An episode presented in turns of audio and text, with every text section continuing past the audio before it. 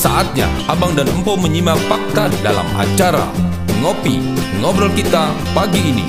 Spesial Jalan-Jalan Di program ini bukan saja ngobrol tentang informasi hangat seputar kota Depok Juga bisa ngobrol seputar sejarah, seni, dan budaya serta kuliner yang ada di kota Depok. Ngopi Ngobrol Kita pagi ini Spesial Jalan-Jalan mengungkap fakta dan fenomena.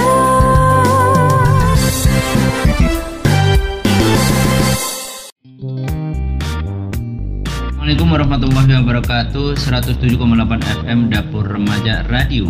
Bersama saya Adi Mahmudi untuk melaporkan sekaligus berbincang-bincang ngobrol pagi bersama Bapak Kepala Dinas Pemadam Kebakaran dan Penyelamatan Kota Depok, Bapak Raden Gandara Budiana. Hari ini saya sudah bersama Bapak Gandara Budiana. Untuk itu, Abang dan Pok jangan ke mana-mana, simak terus informasi yang akan saya sampaikan di acara spesial Ngopi Jalan-Jalan. Baiklah, langsung saja perkenalkan kepada Abang dan Empok di acara Ngopi spesial Jalan-Jalan. Kemudian terkait dengan pada akhir-akhir ini telah terjadi hujan angin sehingga menimbulkan di titik-titik terjadi longsor dan banjir. Jadi mohon dijelaskan titik-titik mana saja dan apa saja upaya-upaya yang dilakukan oleh dengan dinas terkait. Baik, bismillahirrahmanirrahim. Assalamualaikum warahmatullahi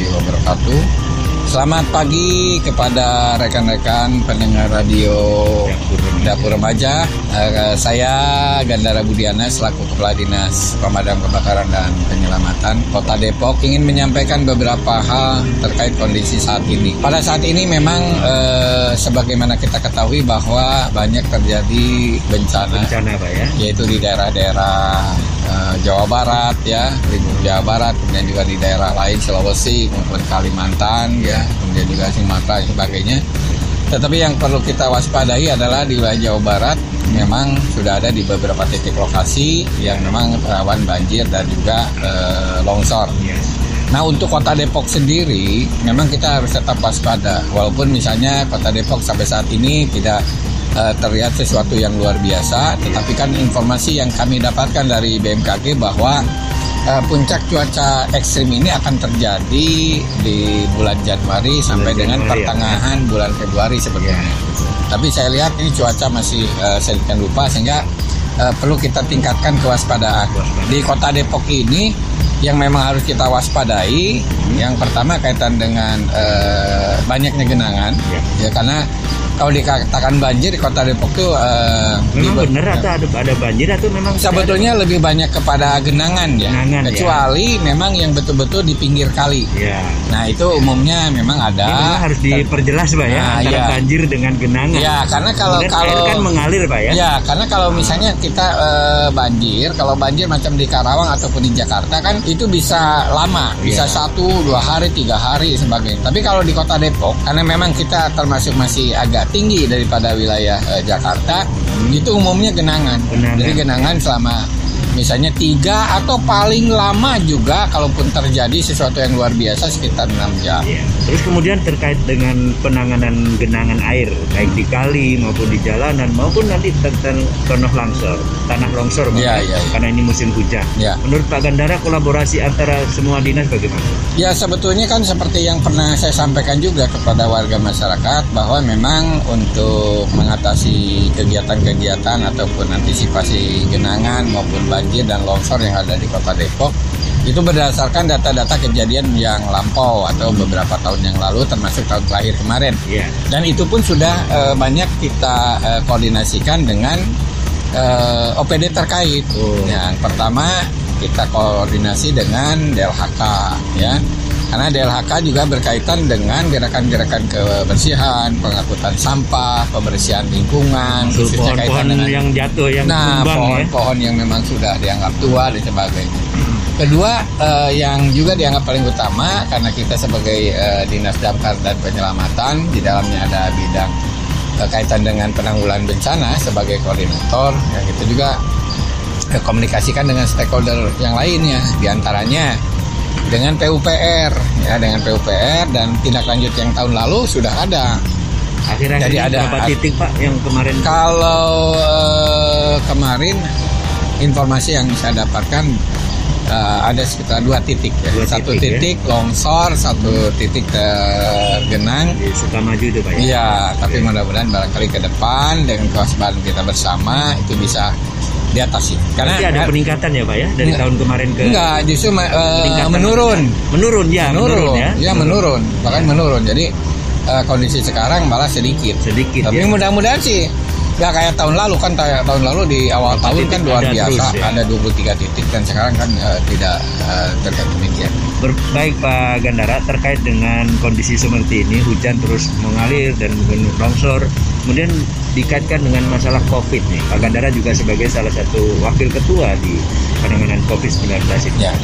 Eh, sebetulnya saya di satuan tugas Hmm. itu eh, sebagai eh, koordinator bidang perubahan perilaku. Nah, Jadi koordinator di dalam Menyambung ya? eh, perubahan Menyambung ya. perilaku ini adalah bahwa kita ingin memaksimalkan upaya-upaya yang kita lakukan berkolaborasi dengan semua stakeholder. Ya stakeholder kita kan dinamakan ya itu pentahelix ya. Pentahelix, Jadi pentahelix ya. itu jadi semuanya sekarang ini harus turut berpartisipasi secara aktif. Ya, pemerintah, karena kan masyarakat Iya, pemerintah, masyarakat, dunia usaha, dunia pendidikan, termasuk media. Nah, ini juga media penting banget untuk menginformasikan kepada warga masyarakat hal-hal informasi-informasi terbaru dan langkah-langkah yang harus dilakukan oleh kita dan juga warga masyarakat. Karena kalau misalnya COVID ini kan eh, seharusnya eh, kita perangi bersama. Iya. Ya, tidak bisa mengandalkan satu pihak atau dua pihak, tetapi harus mengandalkan bersama. Karena yang namanya pandemi, ya kita tahu sendiri bahwa musuh sudah di mana-mana, sehingga tang itu menjadi tanggung jawab kita bersama. Baik, terakhir Pak harapan kepada masyarakat ini apa untuk masyarakat juga bisa meningkatkan eh, kepedulian terhadap COVID dan bencana itu Pak. Yang saya harapkan adalah yang pertama, karena regulasi tentang eh, penanganan COVID itu khususnya di, di lingkup eh, RW ya, kemudian juga RT itu kan ada regulasi yang baru, Ya. yaitu ada Inmendagri nomor 3 tahun 2021. Jadi di sana eh, menginformasikan apa menindaklanjuti dengan kegiatan-kegiatan yang harus dilaksanakan oleh satuan-satuan yang terkecil yaitu namanya dengan PPKM skala mikro. Nah, skala skala mikro ini ya. orientasinya kepada penggerakan selain daripada RW adalah RT.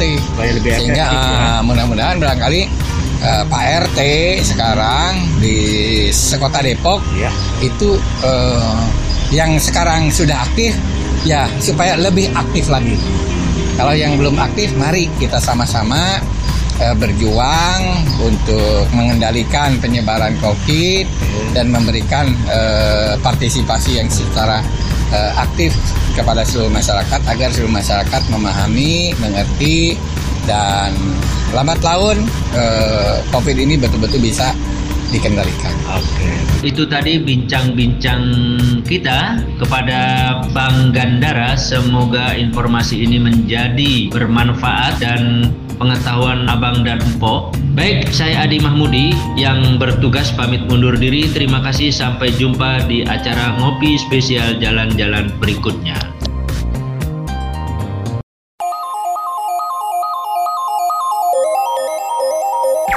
Ngopi spesial jalan-jalan. Sebuah program news yang dikemas dengan obrolan santai terkait informasi di Kota Depok. Ngopi spesial jalan-jalan. Banyak hal yang perlu Abang Empo simak di acaranya. Di program ini bukan saja ngobrol tentang informasi hangat seputar Kota Depok, juga bisa ngobrol seputar sejarah, seni, dan budaya serta kuliner yang ada di Kota Depok. Ngopi, ngobrol kita pagi ini, spesial jalan-jalan.